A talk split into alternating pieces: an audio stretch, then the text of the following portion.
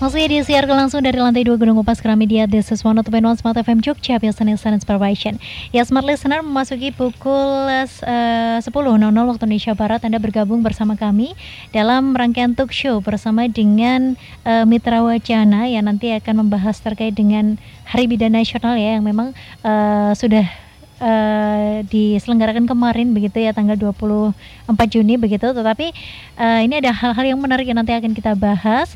Dan di sini sudah ada narasumber kita ya ada uh, Mbak Hana Pratiwi selaku Bidan Puskesmas Tegarjo dan juga Ibu Arifah sebagai kader Posyandu. Halo, selamat pagi Mbak Bu. Selamat pagi. Gimana kabar sehat ya? Alhamdulillah, Alhamdulillah luar biasa.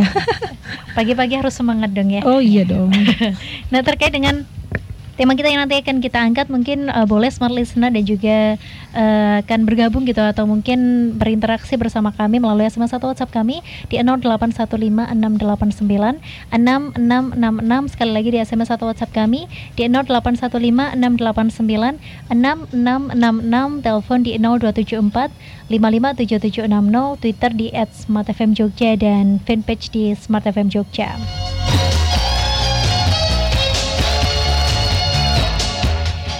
Boleh terkait dengan uh, Hari Bidan Nasional gitu yang memang hmm. uh, sudah jatuh kemarin ya di tanggal 24 Juni 2019. Ini boleh nanti cerita-cerita nih tentang uh, kegiatannya atau mungkin apa sih sebenarnya yang menjadi uh, unggulan gitu ya dari hari ini begitu. Mungkin boleh dijelasin nih Mbak Hana gitu. Oh iya.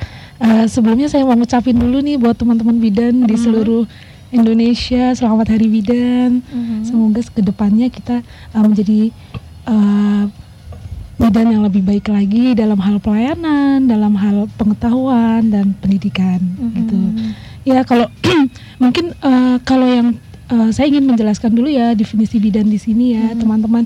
Mungkin ada dari uh, teman-teman di luar yang uh, mungkin sebenarnya tidak tahu sebenarnya bidan itu siapa sih gitu mm-hmm. kan? Atau sebenarnya bidan itu cewek semua atau mungkin ada mungkin bidan laki-laki mungkin yang mungkin orang awam gitu ya. Hmm. Oke, okay, uh, eh, jadi definisi bidan itu sendiri itu adalah seorang perempuan hmm. yang telah menyelesaikan program pendidikan kebidanan baik dalam negeri maupun luar negeri yang diakui secara sah oleh pemerintah pusat dan telah memenuhi persyaratan melakukan praktek bidanan. Hmm. Jadi jelas ya di sini jadi bidan itu ya semuanya perempuan, jadi tidak ada hmm. bidan laki-laki. Hmm. Kemudian kalau untuk tugas bidan itu sebenarnya banyak ya. Kalau hmm. kata orang mah uh, dari berjol ya dari lahir iya, sampai dia dewasa bahkan remaja sampai dia menikah hamil bersalin lagi dan hmm. lansia itu masih kita urusin gitu ya hmm. jadi uh, sangat kompleks gitu hmm. mak dari dia ANC-nya hmm. kemudian persiapan uh, persalinannya belum nifasnya bayinya BBL-nya hmm. kemudian catennya lagi pun kita ada uh, kemudian cash pro remajanya juga itu masuk dalam tugas fungsi bidan. Hmm. Baik, nah terkait dengan kebidanan ini ya di sini hmm. juga sudah ada kader Posyandu, ada Ibu Arifah ini. Halo, selamat pagi Ibu. Selamat pagi. Nah, boleh dijelaskan Ibu tugas uh, dan juga mungkin uh, apa sih yang sebenarnya menjadi kewajiban dari uh, kader-kader Posyandu ini kan sangat berperan penting juga nih di masyarakat Ibu. Ya, uh, gini kita uh, di Posyandu mm -hmm. itu ada uh, sebagai kader mm-hmm. itu memang kepanjang ta- kepanjang tangannya dari uh, dinas kesehatan bukan dinas kesehatan tapi uh, pelayanan kesehatan mm-hmm. yang ada di wilayah uh, puskesmas terutama mm-hmm. di mana kader itu ditugasi untuk uh, memberi tahu tentang apa-apa uh, aja yang akan dilakukan untuk pemeriksaan, hmm. men mencari data seperti hmm. itu. Terus uh, apa? Uh, semua yang ada di wilayah hmm. itu akan di dilihat oleh kader Posyandu untuk supaya uh, bisa apa namanya supaya bisa uh, meningkatkan ke kadar uh, kadar kesehatan yang ada di wilayah mungkin hmm. seperti itu yang hmm. bisa saya Oke okay, baik. Nah terkait dengan uh, mungkin proses persalinan, hmm. kemudian ketika ibu hamil itu kan pasti kan butuh bimbingan atau butuh uh, apa ya bahasanya seperti pendampingan begitu ya dari mungkin pihak terkait seperti kader posyandu atau mungkin dari bidannya langsung begitu. Tapi mungkin kita banyak melihat konflik konflik-konflik di luar gitu yang mungkin uh, banyak sekali ibu-ibu muda gitu yang tidak tahu terkait dengan ini. Nah, itu pendampingannya seperti apa sih Bu atau Mbak uh, Hana gitu bisa menjelaskan? Ah ya. Uh, jadi seperti ini ya, kalau kita kan uh, di Puskesmas Tegarjo kita uh -huh. ada mm-hmm. namanya program ANC terpadu. Uh mm-hmm. -huh. Nah ANC terpadu itu hanya dilakukan di Puskesmas. Jadi Berarti dia hanya ada di Puskesmas ya, gitu ya. betul. Jadi dia tidak dilakukan di rumah sakit atau hmm. kemudian di swasta klinik-klinik swasta tidak hanya dilakukan di puskesmas. Nah makanya kita sering menghimbau kepada seluruh ibu-ibu hamil ya hmm. yang sedang hamil nih yang kemudian periksanya kebetulan tidak di puskesmas mungkin hmm. di klinik atau kemudian di rumah sakit swasta uh, diusahakan gitu hmm. untuk uh, sekali minimal sekali untuk ke puskesmas untuk kita uh, mengikuti ANC terpadu. Hmm. ANC terpadu itu apa sih sebenarnya? Jadi hmm. ANC terpadu itu uh, kita adalah menjaring ya. Jadi hmm. dilaksanakannya ANC terpadu itu untuk menjaring masalah-masalah yang ada di ibu hamil. Hmm. Ya, jadi tujuan utama kita sebenarnya agar ibu sehat, bayi hmm. sehat, ibu dan bayi selamat ya. Intinya hmm. selamat, sehat, uh, keduanya sehat. Jadi uh, nanti dalam ANC terpadu ini nanti uh, setiap ibu dalam kunjungan pertama atau hmm. pertama kali ke puskesmas itu kita akan uh, melakukan kolaborasi. Jadi dari pertama ada pemeriksaan laboratorium. Hmm. Nah, kemudian pemeriksaan lab itu apa aja sih untuk hmm. KNC terpadu? Itu ada dari HBSAG hmm. ya itu kemudian pemeriksaan HIV AIDS mm-hmm. itu untuk mendeteksi apakah ibu karena sekarang kita tahu ya untuk uh, angka HIV AIDS itu cukup tinggi ataupun tidak diketahui nah itu uh, sekarang bisa kita screening melalui ANC terpadu tersebut. Kemudian ada pemeriksaan IMS, hmm. apakah ada penyakit-penyakit um, menular. Kemudian kita ada darah rutin. Darah rutin hmm. itu kita bisa menjaring apakah ibu ini anemi atau tidak gitu. Hmm. Kemudian ada juga urin rutin dari lab nanti kita prefer lagi ke, ke, ke gizi. Biasanya hmm. di gizi ini akan uh, konsultasi. Hmm. Jadi konsultasi-konsultasi dari hasil lab tersebut misalkan ditemukan bahwa ibu hamil ini mengalami anemia hmm. itu nanti kita konsultasikan ke gizi untuk masalah seperti stat uh, makanannya hmm. pola makan kayak pola makannya seperti apa kemudian cara minum obatnya mungkin ada yang salah dan hmm. itu nanti tugasnya dari gizi hmm. nanti dari gizi kita prefer lagi ya kemudian ke gigi nah hmm. gigi ini nanti tugasnya adalah untuk men-screening adakah misalkan uh, lubang sekecil apa pun di gigi ibu hamil, kemudian hmm. atau uh, ada semacam uh, infeksi-infeksi mulut dan hmm. gitu yang bisa uh, kita screening lewat pemeriksaan ansi terpadu hmm. ini nanti dari gigi yang akan memeriksa. Hmm. Nanti setelah itu kemudian kita ke umum, ke umum ke dokter umum itu untuk memeriksa uh, seluruh kesehatan umum. Jadi hmm. cek secara umum kesehatan umum uh, ibu hamil tersebut. Kemudian terakhir adalah untuk ke psikolog karena kita mau dong ibu hamil sehat jiwa ya, ya jangan betul. sampai ibu hamil ini stres hmm. ya ibu hamil tuh harus bahagia ya, ya karena uh, anak bahagia ibu hamil bahagia pasti akan uh, menciptakan tumbuh kembang yang baik hmm. karena itu sangat sangat uh, apa ya sangat uh, berpengaruh positif hmm. sekali terhadap kesehatan ibu dan anak. Hmm, nah, jadi nanti ini tugasnya psikolog nih hmm. nanti.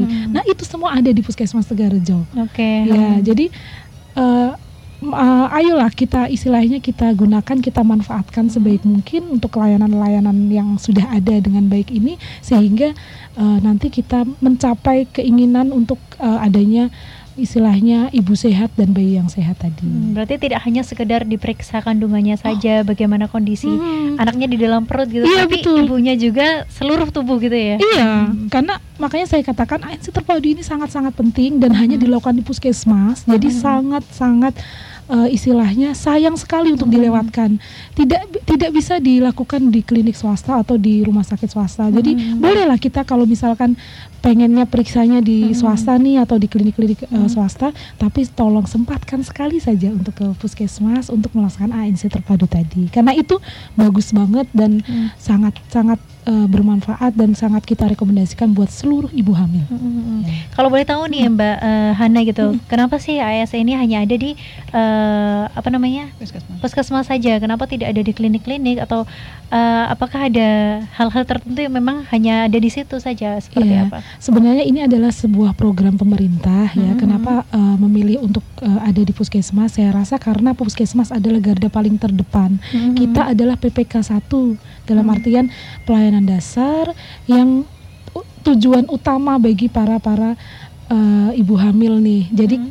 uh, harapannya nih harapannya terutama kalau di kota Jogja hampir semua puskesmas sudah melaksanakan ANC terpadu ya, hmm. hampir semua puskesmas. Saya tidak tahu di daerah lain, terutama di Tegarjo itu juga sudah jalan ANC terpadu. Hmm. Mungkin harapannya agar uh, semua ibu bisa mencapai atau bisa dengan mudah gitu loh. Karena kan PPK tingkat satu ini tidak ribet ya mbak ya. Semua jaminan masuk PPK tingkat satu kan gitu. Jadi kalau rumah sakit harus punya rujukan dan macam-macam itu kan akan sangat menghambat ya sangat menyulitkan. Jadi saya rasa ini sangat bagus ya diletakkan di ANC terpadu karena kita sebagai garda terdepan dan kita adalah kewajiban. Kalau puskesmas kan tugasnya screening ya. Jadi kalau ditemukan hal-hal tertentu baru kita prefer ke rumah sakit. Jadi memang Uh, karena ini ANC terpadu aja tujuannya adalah men-screening pasien-pasien ibu hamil uh, jadi sangat pas hmm. kalau kemudian screening itu diletakkan di puskesmas hmm. jadi tidak di rumah sakit atau di klinik Baik, nah terkait dengan hal ini nanti akan kita bahas lagi secara mendalam gitu ya.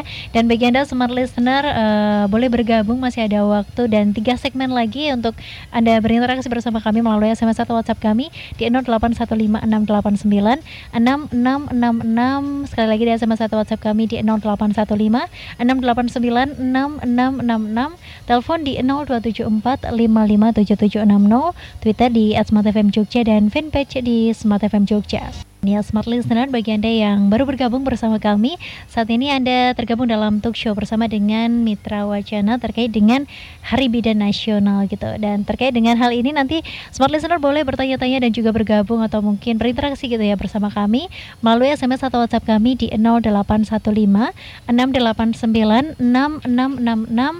Sekali lagi di SMS atau WhatsApp kami di 0815 689 6666. Telepon di 0274 557760 Twitter di @smartfmjogja dan fanpage di Smart FM Jogja karena masih ada tiga sesi lagi untuk anda bertanya jadi kesempatannya masih banyak sekali Smart Listener. Baik terkait dengan uh, tadi udah kita bahas ya Mbak Hana dan juga Ibu Arifah gitu. Uh, kalau mungkin kira-kira seperti apa sih uh, mungkin angka atau data yang uh, selama ini sudah di update atau dirilis gitu ya terkait dengan kematian dari ibu hamil sendiri begitu. Apakah di Yogyakarta ini memang tinggi atau standar gitu? Oke. Okay. ya, jadi uh, untuk uh, secara DIY itu kita ada di posisi dari tahun do, yang tahun 2019 yang terupdate ya hmm. sampai Mei yang saya lihat di web Kesga itu kan hmm. kita bisa akses sebenarnya ya di situ hmm. untuk tingkat DI ada 19 kematian. Hmm. Tapi untuk kota sendiri itu akinya satu. Satu. Ya, semoga hmm. tidak nambah lagi ya. Jangan, ya, amin, jangan, amin. jangan, jangan. Semoga ini bertahan terus hmm. sampai akhir tahun nanti, gitu ya. hmm. ya. Baik, kalau terkait dengan hal-hal yang memang menjadi penyebab atau mungkin uh, awalnya seperti apa sih kok bisa seperti ini gitu kan hmm. mungkin kita juga tidak tidak ingin terjadi gitu iya, tapi betul, untuk betul. mengantisipasi terjadinya ini atau mungkin uh, lebih diceritakan ke ini aja deh uh, awal penyebab dari hal ini terjadi begitu mbak oke okay. uh, jadi ini uh, hal yang sangat menarik ya jadi dulu ya zaman dulu yang namanya untuk uh, penyebab kematian itu paling sering adalah perdarahan, preeklamsi, infeksi itu paling sering mm-hmm. zaman-zaman mm -hmm. dahulu. Tapi ternyata mm -hmm. dari perkembangan-perkembangan zaman sampai tahun ke tahun kemarin uh, kita sempat uh, terkaget juga waktu kemarin ada acara kemudian dipaparkan bahwa ke penyebab kematian ibu DI, ibu di DIY ini sudah mulai bergeser. Mm -hmm. Jadi justru data yang saya dapat yang terakhir itu bahwa penyakit jantung mm -hmm. itu menduduki tingkat pertama ibu hamil atau Iya, untuk Hmm. kematian ibu hamil. Hmm. Jadi penyakit jantung menduduki tingkat pertama lagi. Jadi menggeser primadona primadona yang perdarahan PEB infeksi itu udah tergeser Oke. sekarang. Ya, dulu primadonanya itu. Hmm. Nah, sekarang itu mulai tergeser dengan penyakit jantung bawaan atau penyakit jantung. Nah, ini angkanya cukup lumayan 29%. Hmm. Ya, disusul oleh angka infeksi itu ada di sekitar 26%, kemudian perdarahan 70 eh 17%, Hmm. sorry, kemudian terakhir baru PEB di angka 11%. Nah, ini menarik. Makanya eh, kemarin ini menjadi bahan eh, angkat di Sarjito, kemudian mereka melakukan eh, penelitian.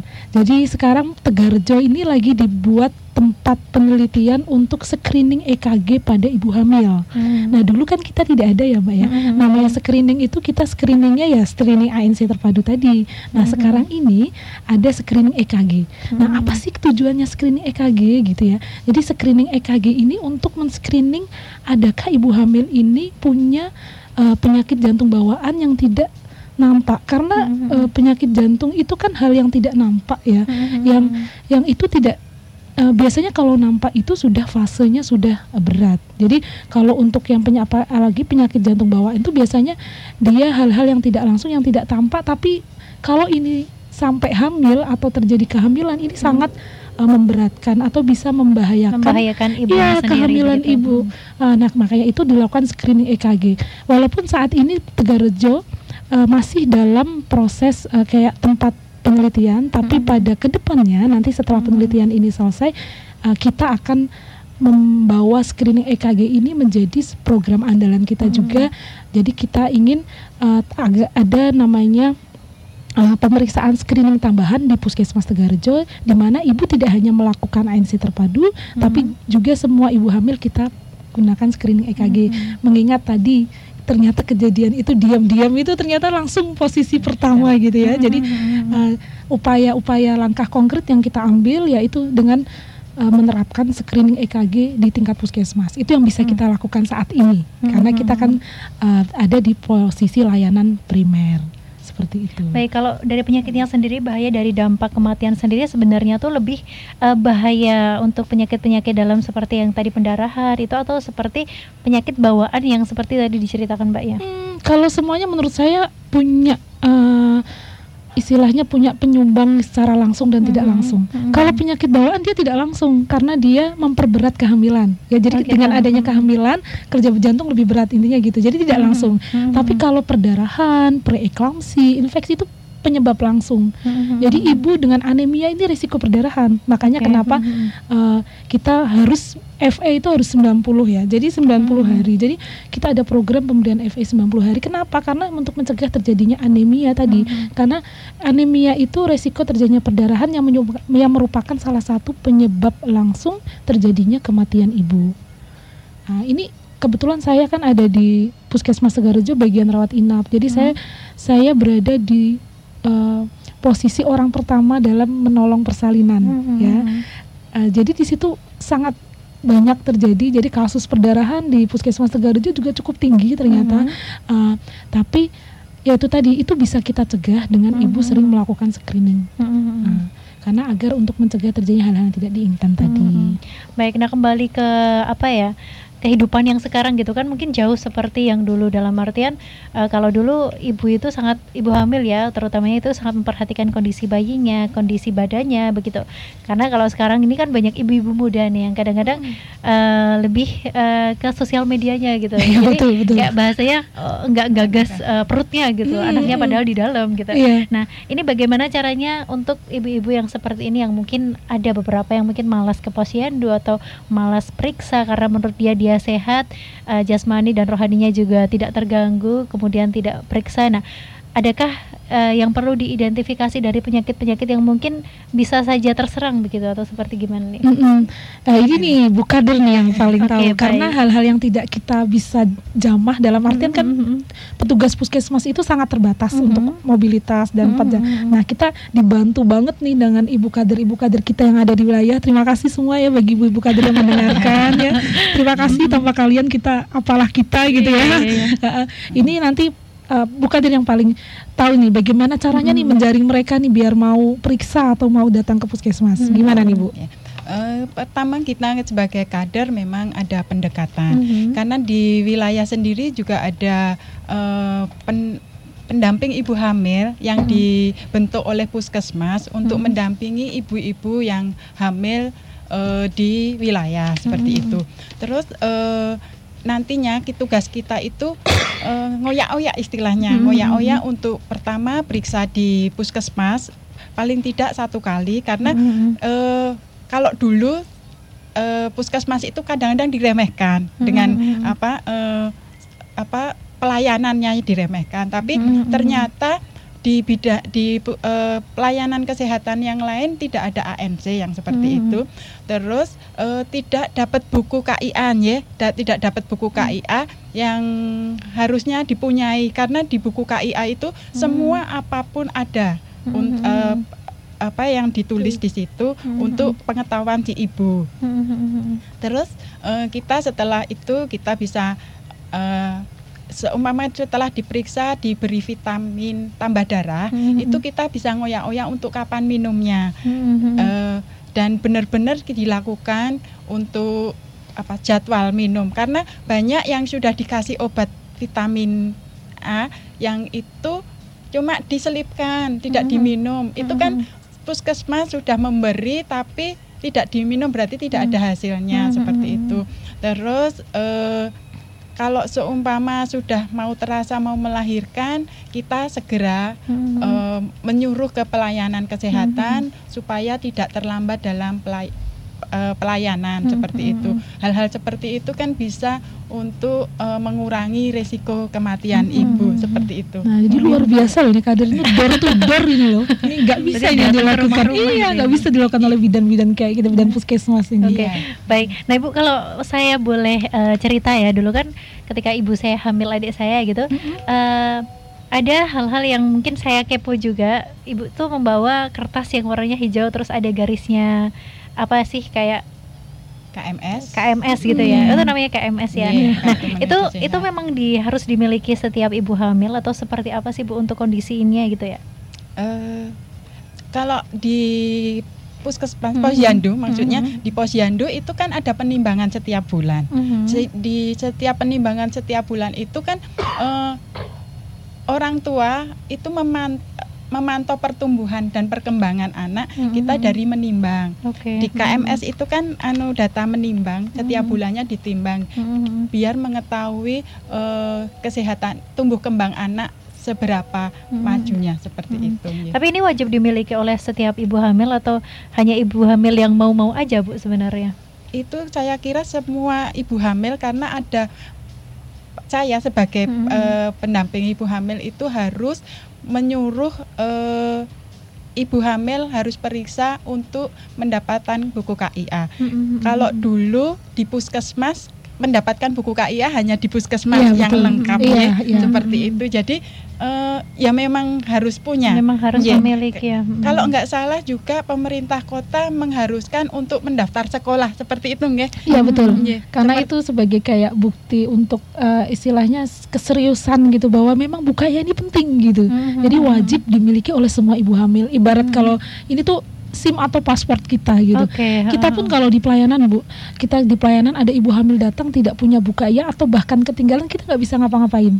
Karena berarti tidak dilayani gitu atau dilayani tetap, uh -huh. cuman artinya gini, uh -huh. kita nggak istilahnya kita sam, uh, sampai bagaimana caranya nih si ibu atau si bapak harus mengambil saking pentingnya ini karena kita sebagai layan apalagi saya sebagai bidan khusus persalinan uh -huh. itu wajib sekali untuk membuka buku KIA melihat apakah ada potensial-potensial tertentu hmm, atau hmm, hmm. riwayat-riwayat tertentu yang harus kita curigai yang harus kita waspadai hmm. itu sangat penting sekali. Berarti mengetahui uh, gejala-gejalanya di melalui buku ini. Iya, gitu ya? karena setiap keluhan setiap bulan mereka kan melakukan pemeriksaan dan hmm. itu tercatat. Jadi dan saya lagi saya minta tolong juga ini sekalian ya mumpung di sini saya minta tolong untuk semua ibu hamil hmm. apabila melakukan pemeriksaan di dokter atau do, atau klinik swasta itu kan biasanya tidak punya buku KIA. Hmm. Nah, itu tolong tetap minta buku KIA di puskesmas atau hmm. lewat posyandu. Nanti setiap periksa ke dokter pun tolong minta tolong untuk diisikan. Mm-hmm. Jadi jangan sampai datang ke kita, misalkan periksanya di di mana, datang ke mm-hmm. kita bukanya masih kosong. Iya itu sering banget terjadi. Itu kan sayang sekali ya. Padahal uh, kita pengen dari situ kan kita pengen tahu sebenarnya ibu ini kondisinya seperti hmm. apa. Nah, itu sangat penting sekali. Hmm. Baik Mbak Hana dan juga Ibu Arifah begitu nanti akan kita lanjutkan perbincangannya sepertinya semakin sini semakin seru gitu ya dengan topik-topik yang mungkin uh, agak geli juga kita ini. Tapi nanti kita lanjutkan lagi dan smart listener untuk Anda bergabung dan juga berinteraksi bersama kami bisa melalui SMS atau WhatsApp kami di 08156896666 sekali lagi di SMS atau WhatsApp kami di 0815 Telepon di 0274557760 karena kami masih punya dua sesi lagi untuk Anda bergabung. Masih di One One Smart FM Jogja Business and Inspiration ya Smart Listener bagi Anda yang baru bergabung bersama kami.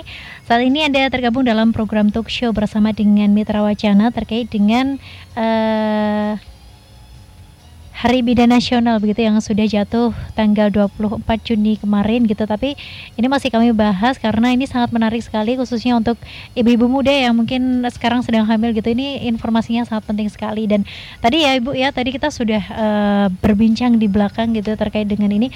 Adakah pendampingan yang memang khusus gitu yang dilakukan oleh pihak-pihak kader terkait dengan ini? Apakah pendampingannya mulai dari ibu itu hamil kemudian melahirkan kemudian setelah pasca melahirkan juga apakah apakah ada pendampingan kemudian seperti apa sih boleh digambarkan gitu uh, iya uh, kalau di wilayah kita sebagai kader itu ada kader pendamping ibu hamil mm-hmm. yang mana uh, dari kehamilan awal itu memang sudah disuruh ke puskesmas mm-hmm. atau layanan kesehatan lainnya untuk memeriksakan. Di situ kan kita wajib yang ibu hamil itu ada uh, pemeriksaan trimester sampai uh, empat mm-hmm. empat langkah seperti itu mm-hmm. itu uh, pendamping ibu hamil harus uh, apa mengoyak-oyak istilahnya mm-hmm. seperti itu dan setelah melahirkan kalau itu tidak di puskesmas mm-hmm. itu biasanya kita dari pendamping ibu hamil mintakan vitamin A mm-hmm. untuk ibu nifas mm-hmm. uh, dari puskesmas nanti kita kalau biasanya kita kunjungan ke rumah ibu mm-hmm. yang setelah melahirkan kita ngasihkan vitamin A. Hmm. Setelah uh, memberikan vitamin A, kita uh, sama ibu yang uh, melahirkan setelah melahirkan kita mengusahakan untuk wanti-wanti bahwa ibu harus ASI eksklusif yang hmm. enam bulan hmm. seperti itu. Setelah nanti uh, ASI eksklusif kita bisa biasanya mendampingi dan uh, biasa kalau ibu-ibu muda itu sakit sedikit mesti aduh aduh mengeluh. gitu. seperti itu. Mm-hmm. terus kita yang memberi pembelajaran bukan memberi pembelajaran seperti ini uh, bagusnya baiknya hmm untuk menyusui seperti hmm itu. Uh, melahirkan menyusui dan nanti setelah enam bulan ke atas kita hmm ada uh, eh, MPASI yang di mana uh, pemberian makanan tambahan hmm bukan makanan tambahan makan pendamping uh, setelah memberi ASI ada makanan yang harus dikasihkan ke bayinya. J hmm. seperti itu. Hmm. Uh, kita sebagai kader memang memberikan cara-cara karena hmm. kita de eh, dengan puskesmas bekerja yeah, sama ya. Yeah, betul. Dari hmm. kader kita biasanya setiap bulan itu kita diundang oleh hmm. pihak puskesmas diberi pembelajaran semua-semua yang uh, yang harus ada di yang harus dilaksanakan mm-hmm. oh, untuk di wilayah seperti hmm. itu. Baik, nah terkait dengan ini tadi gitu ya, mungkin dari pendampingannya gitu, mungkin banyak juga di antara kita, mungkin teman-temanku ya yang mungkin nikah muda gitu, kemudian ketika melahirkan uh, mungkin nggak ada masalah, tapi setelah melahirkan pas menyusui asinya nggak keluar nih bu. Nah, apakah itu juga termasuk bagian dari pendampingan dari kader-kader ini gitu? Iya, uh, di puskesmas kemarin di tempat jetis ya di jetis itu ada kelompok ibu kelompok hmm. ibu di mana sebelum sebelum apa melahirkan hmm. ada seperti kelas ibu. Iya, kelas hmm. ibu. Jadi kelas ibu itu uh, hampir ada di setiap puskesmas di kota. Hmm. Uh, terutama kalau kita kalau di kota ini kan dari seluruh puskesmas ada dua puskesmas persalinan mm-hmm. ya puskesmas Detis dan termasuk kita puskesmas mm-hmm. Tegarejo. Jadi kelas ibu ini memang uh, diadakan uh, oleh puskesmas masing-masing untuk hmm. mempersiapkan seorang ibu ini untuk menghadapi persalinan, menyusui hmm. bahkan sampai MPASI. Hmm. Jadi itu ada kelasnya biasanya dilakukan kalau kita di Tegarjo itu dilakukan di wilayah. Hmm. Jadi itu ada kelasnya kemudian nanti uh, di situ ada pembelajaran-pembelajaran, kemudian ada ada istilahnya persiapan-persiapan apa sih nih sebagai seorang ibu yang harus dilakukan. Nah, itu jangan sampai terlewatkan nih sekali hmm. lagi nih ya buat ibu-ibu di luar sana terutama hmm. ibu-ibu muda ini jangan sampai terlewatkan kelas-kelas ibu yang kita adakan. Hmm. Ini sangat-sangat berguna gitu hmm. apalagi terutama bagi ibu yang belum punya pengalaman apa pun, hmm. cobalah akses untuk mengikuti kelas ibu. Berarti di situ ya. selain ada pendampingan, ada juga motivasi-motivasi dan juga sosialisasi terkait dengan uh, kehamilan begitu ya, Mbak ya? Iya betul. Hmm. Di situ ada semua. Jadi tidak hanya kehamilan aja kita sebagai kita kan bidan bagian persalinan nih kita juga ikut mm -hmm. dalam di situ gimana sih caranya untuk mempersiapkan persalinan mm -hmm. apa sih yang harus dipersiapkan kayak gitu-gitu mm -hmm. kita masuk ke situ juga mm -hmm. kemudian dari gizi juga masuk gimana sih mm -hmm. caranya biar menyusui kita lancar kemudian apa sih yang perlu kita persiapkan agar proses menyusui enam bulan itu kita sukses dan sebagainya mm -hmm. itu juga masuk jadi kita kolaborasi di situ. Hmm. Psikolog juga masuk di situ. Jadi sangat-sangat hmm. uh, penting ya menurut hmm. saya dan ini sangat bagus sekali. Hmm. Hmm. Baik, nah terkait dengan uh, mungkin perkembangan yang semakin ke sini semakin wow gitu ya. Mungkin banyak sekali ibu-ibu muda yang mungkin males gitu datang atau berjalan gitu ya, ngantri ke posyandu atau mungkin puskesmas gitu yang mungkin uh, apa sih lama banget gitu. nah, adakah mungkin inovasi baru nih dari uh, bidan atau mungkin dari posyandu sendiri atau puskesmas sendiri gitu untuk uh, uh, pelayanan secara online iya, gitu. Oke, okay. iya jelas ada ya. Kita hmm. apalagi uh, kita di Puskesmas Tegarejo punya uh, layanan inovasi yaitu pendaftaran online. Hmm. Jadi ini nggak ada lagi kata-kata mager nih ya buat ibu-ibu di sana. Apalagi image bahwa di Puskesmas itu antrinya lama dan sebagainya tidak. Kita hmm. hilangkan itu. Ayo kita mulai uh, percaya dalam artian cobalah kalian coba kunjungi Puskesmas hmm. bahwa di sana sekarang itu puskesmas apalagi di kota ini puskesmasnya udah fasilitasnya sangat-sangat bagus-bagus sekali. Jadi hmm. sangat sayang untuk dilewatkan. Dan kita ada namanya pendaftaran online. Jadi ini boleh dicatat ya nih semua ibu-ibu di rumah. Hmm. WA-nya puskesmas online Tegarjo ini penting ya. Itu ada di 0812 1780 0960 saya ulangi lagi ya, 0812 1780 0960. Nah, ini adalah WA pendaftaran online di Puskesmas Tegarejo. Mm -hmm. Jadi kapan sih ini bisa daftarnya mm -hmm. gitu ya, Mbak ya? Jadi di sini diharapkan daftar H-1 periksa. Nah, jadwal pendaftarannya di jam kerja ya, kalau bisa jam 8 sampai jam 1. Misal nih, saya hamil nih. Wah, mager nih saya besok lama-lama ngantri pendaftaran. Oke, okay, hmm. saya mau ah ANC kebetulan ANC di Puskesmas Tegarejo itu kan Senin sama Kamis ya. Hmm. Jadi, oke okay lah saya mau hari Kamis. Nah, hari Rabu ini jam 8 udah mulai daftar nih. Hmm. Daftarnya gimana? Cukup ketik nama, spasi nomor RM, spasi nomor KTP, spasi nomor KIS, hmm. ya terus poli yang dituju gampang hmm. nama RM KTP KIS poli yang dituju dah cukup hmm. itu aja hmm. kemudian langsung send kirim nanti tunggu jawaban hmm. nah karena kita baru terbatas jadi kita hanya melayani uh, untuk pendaftaran online ini hanya 20 pasien per hari jadi hmm. siapa cepat ia dapat jadi hmm. kalau kita sudah ada adminnya kan nanti hmm. kalau admin membalas maaf kota penuh ya mohon maaf Jadi karena di esok hari iya gitu. kemudian daftar esok harinya jadi nanti ketika datang pun hmm. uh, ibu hanya hanya langsung ke loket yang sudah khusus loket online mm -hmm. nanti punya jalur bypass untuk langsung diperiksa. Oke, okay, menyenangkan bukan? Tidak usah membawa berkas-berkas gitu ya. Uh, berkas tetap bawa, ya.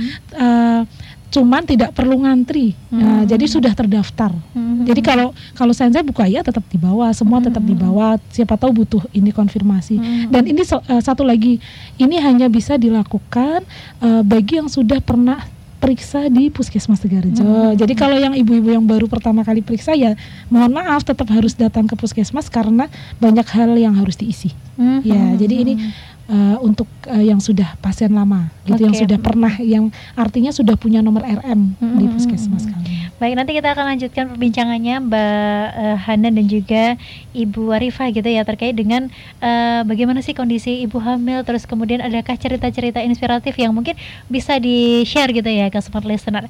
Dan Smart Listener masih ada kesempatan untuk Anda di satu sesi terakhir ini uh, untuk bergabung dan juga berinteraksi bersama kami melalui SMS atau WhatsApp kami di 0815 0689 6666 sekali lagi di SMS atau WhatsApp kami di 0815 689 6666 telepon di 0274 557760 Twitter di @smartfm Jogja dan fanpage di Smart FM Jogja. Saat ini Anda uh, bergabung bersama kami dalam talk show bersama dengan Mitra Wacana terkait dengan uh, Hari Bidan Nasional gitu yang sudah jatuh tanggal 24 Juni kemarin gitu. Dan sekarang masih kami bahas karena ini sangat menarik sekali dan sangat uh, apa ya menginspirasi ya untuk ibu-ibu yang sedang hamil gitu ya khususnya di Yogyakarta ini supaya lebih mengantisipasi dan juga menjaga kehamilannya gitu.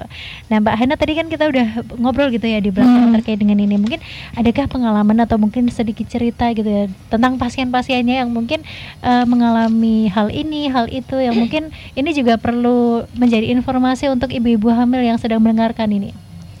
Ya sebenarnya kalau oh, pengalaman itu banyak sekali ya. Jadi cerita-cerita mungkin saya lebih akan mengangkat sebuah cerita. Jadi karena uh, Yogyakarta adalah sebuah kota pelajar di mana penduduknya dari berbagai macam daerah, dari berbagai macam wilayah. Hmm. Jadi pelajar begitu banyak di sini, mahasiswa begitu banyak di sini. Nah, ternyata itu banyak sekali kasus-kasus kejadian kehamilan tidak diinginkan. Hmm. Jadi mungkin karena terlalu muda usianya, hmm. terlalu dini, terlalu begitu. dini atau mungkin karena ada salah pergaulan dan hmm. sebagainya sehingga menimbulkan kehamilan. Nah, ini kita menanganinya cukup banyak ya. Mm-hmm. Ya. Kalau dari uh, jumlah persalinan tahun 2018 itu hampir 60% itu kita hitung itu usianya under 20. Bahkan ada yang 14 16. Nah, okay. ini pengalaman yang sangat luar Lumayan biasa ya. ya. Dan kebanyakan para yang kehamilan-kehamilan yang tidak diinginkan mm-hmm. ini yang harus menjadi perhatian hmm. bagi semua pihak karena apa? Karena dampaknya sangat luar biasa. Pertama biasanya dia akan malas untuk periksa, hmm. malu mungkin, hmm. atau keterbatasan dana mungkin karena mungkin hmm. dia di sini mahasiswa, hmm. atau tidak ada pendampingan atau tidak punya keluarga. Nah hmm. itu yang harus kita antisipasi karena hmm. ada kejadian ibu ini datang posisi tidak pernah periksa, kemudian hmm. kita cek ternyata HB-nya sangat turun. Jadi hmm. HB-nya itu bisa di angka 10 padahal mm -hmm. untuk persalinan kan minimal 11 atau 12 normalnya kan. normalnya ya kita mengharapkannya segitu mm -hmm. kalau sudah uh, awalnya aja sudah habis 10 kemudian mm -hmm. bersalin itu kemungkinan terjadinya perdarahan pasti akan sangat tinggi mm -hmm. nah kebetulan si pasien ini benar ternyata ketika bersalin pasien ini mengalami perdarahan luar biasa mm -hmm. jadi sampai kita melakukan resusitasi cairan sampai berapa flabot ya waktu itu 6 sekitar 6 flabot dan alhamdulillah sih tertolong ya hmm. alhamdulillah tertolong cuman kasus eh, kasus-kasus seperti ini yang sangat kita sayangkan gitu ya hmm. maksudnya mungkin uh, makanya kalau di Jogja kan ada gerakan sayang ibu ya hmm. itu sebenarnya untuk lebih ke masyarakat kalau ada lihat ibu hamil hmm. lebih lebih aware lah gitu hmm. lebih kita lebih simpati atau bahkan kita coba tanyakan. Mungkin kan hmm. kalau di kos-kosan atau di apa, oh sebelah saya ini hamil nih. Hmm. Cobalah kita dekati, kita bujuk atau kita dampingi kalau perlu kita ajak periksa hmm. gitu. Tanpa melihat status sosial atau statusnya dia walau walaupun kita sayangkan misalkan dia tidak diinginkan atau sebagainya. Hmm. Uh, saya ingin GS ini benar-benar jadi gerakan uh, sayang ibu secara nasional yang semua sudah menerapkan gitu. Jadi mm-hmm. kita melihat ibu hamil itu jangan kita kemudian cuek, kemudian kita nggak kepo. Kalau bisa mm-hmm. kepo lah gitu. Mm-hmm. Keponya itu dalam dalam tanda kutip yang positif ya. Jangan kepo kenapa hamil dan sebagainya yeah, itu. Yeah. Itu akan membawa dampak negatif mm-hmm. ke ibu. Jadi kepo dalam hal positif dalam artian kita beli support sudah periksa belum dan sebagainya. Mm-hmm. Kalau belum, kalau coba kita bawa ke puskesmas. Itulah yang mm-hmm. perlu kita lakukan gitu untuk mm-hmm eh, kejadian-kejadian yang tidak diinginkan itu tidak terjadi lagi. Mm-hmm. Itu cukup banyak soalnya mm-hmm. kejadian seperti itu. Baik, kalau dari Ibu Arifah sendiri pernah mengalami nggak Bu? Maksudnya kan Ibu lebih dekat dengan masyarakat gitu, bahkan lebih mengalami di mana uh, terkait dengan masyarakat yang mungkin malas gitu ya, malas untuk datang ke puskesmas untuk cek gitu, dan mungkin ada salah satu hal yang mungkin terkait dengan yang diceritakan Mbak Hana tadi begitu.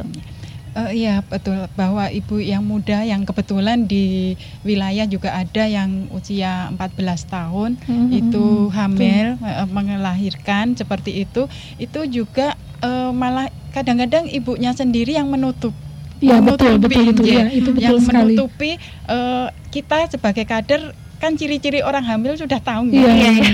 kita mendekati bu kalau nggak salah putrane bukan siapa seperti itu ya hal-hal seperti itu terus eh, kita coba mendekati coba diperiksakan Hmm. setelah diperiksakan ya sudah karena ini sudah terlanjur bagaimana kita mengupayakan Hmm. agar eh, bisa melahirkan Iya, dengan betul. baik seperti Hmm. itu biar sehat ya Iya. ibu sehat bayi selamat bayi- gitu iya. kan penting ya Hmm. Iya seperti itu. Terus kadang-kadang kalau seumpama sudah tidak ada biaya, kita biasanya mencarikannya eh, di dinas sosial Mm. seperti itu. Nanti kita eh, kita laporkan ke dinas sosial yang Mm. berkaitan untuk pembiayaan Mm. itu. Tapi sekarang eh, KTP pun sudah bisa ya Jadi- sekarang itu warga kota Jogja sudah tidak perlu takut lagi untuk tidak bisa berobat Hmm. karena bagi semua warga berKTP Kota Jogja yang tidak punya jaminan apa pun Hmm. atau terdaftar jaminan kemudian mungkin macet pembayarannya Hmm. itu bisa segera daftar dengan peserta PDPD tadi. Hmm. Jadi uh, peserta yang terdaftar oleh pemerintah daerah. Nah, Hmm. itu sudah bisa diakses. Silahkan Hmm. gitu semua KTP Jogja yang tidak punya uh, istilahnya tidak punya jaminan apa pun silahkan Hmm. mengakses PDPD di Balai Kota. Jadi Hmm. silahkan mendaftar. Jadi udah nggak ada alasan lagi untuk kita untuk tidak punya biaya. Hmm. Ya, seperti itu ya, Bu ya. Iya. Sangat fasilitatif sekali untuk Kota Jogja ini Hmm. untuk masalah kesehatan. Ya. Baik. Eh, sesuai dengan itu yang tadi Bu Bidan mengatakan bahwa GSI Gerakan Hmm. Sayang Ibu juga di wilayah eh, juga sudah digembar-gemborkan bahwa suami itu harus siaga Hmm. di mana pun suami Hmm, betul. siaga itu eh, apa eh, mengantar Hmm. memberi kasih sayang itu sudah diharuskan seperti itu Iya, ya. betul, betul. Mm-mm. Nah terkait dengan hal ini gitu mungkin adakah pendampingan khusus untuk teman-teman yang mungkin eh, hamil yang tidak diinginkan atau mungkin eh, hamilnya di usia dini begitu apakah ada pendampingan dari mungkin kadernya sendiri ya apakah mungkin rahasia lebih dirahasiakan atau seperti apa sih Bu kira-kira kalau di luar sana begitu Kalau di wilayah tidak dirahasiakan, Hmm. cuma eh, biasanya seperti ini, Mbak. Menikah, lang- menikah. Biasanya kan Hmm. menikah. Hmm. Terus setelah itu kita sebagai kader biasanya memberitahu ke ibunya Hmm. dan si ibunya yang melahirkan itu untuk segera seperti Hmm. itu. Jadi eh, apa eh, ya sudah itu sudah terlanjur terus bagaimana kita untuk melindungi lagi jangan seperti itu mungkin Mencari solusi Iya, ya lebih mencari tepatnya ya, solusi, iya. jangan Baik, Iya. mungkin yang terakhir nih catatan dari eh, Bidan Hana dan juga Ibu Arifah gitu ya. Mungkin himbauan untuk masyarakat tentang pentingnya gitu ya mempersiapkan kehamilan dan untuk mencegah kematian ibu dan anak yang memang Mm-mm. sekarang sangat rawan sekali Betul, itu betul. seperti apa. Ya, kalau saya menuklik sedikit dari strategi penurunan akselerasi penurunan AK di DIY, kita Mhm. punya konsep namanya bibit api, bobot temoto, babaran selamat. Oke. Ya. Mhm. Bagus ya, bagus ya. Bibit api, bibit api itu merencanakan kehamilan pada saat yang tepat. Bibitnya Mhm. api gitu ya. Mhm. Saat yang tepat kapan? Yaitu jangan terlalu muda, jangan terlalu tua, ya, jangan terlalu pas banyak anak. Kemudian jaga jarak kehamilan, nah seperti itu. Kemudian bobot temoto.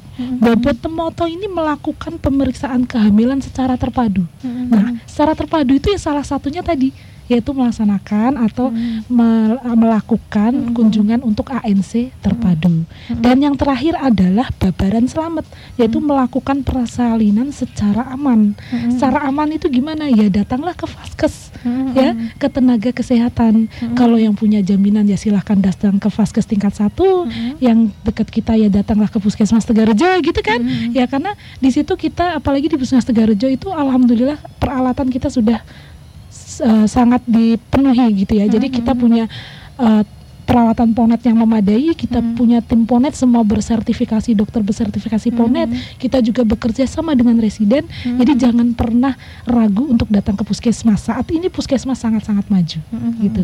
Jadi mari kita gaungkan strategi ini yaitu bibit api, bobot temoto dan babaran selamat. Baik, mungkin ada tambahan dari Ibu Arifah gitu. Eh, Iya betul ben, eh, kalau anu hamil itu bisa direncanakan. Mhm. Hamil itu direncanakan, insya Allah kalau direncanakan dengan baik mesti bahagia semuanya Mhm. seperti itu. Baik, terima kasih untuk uh, Bidan Handa dan juga Ibu Arifah sudah uh, datang gitu ya ke Smart FM pada pagi hari ini. Semoga ceritanya tadi juga menginspirasi smart listener yang di rumah mendengarkan dan semoga uh, angka kematian ibu dan juga anak di Yogyakarta khususnya semoga menurun, semoga bahkan tidak ada begitu ya Bu ya. Semoga uh, kita semua mudah-mudahan sehat gitu ya.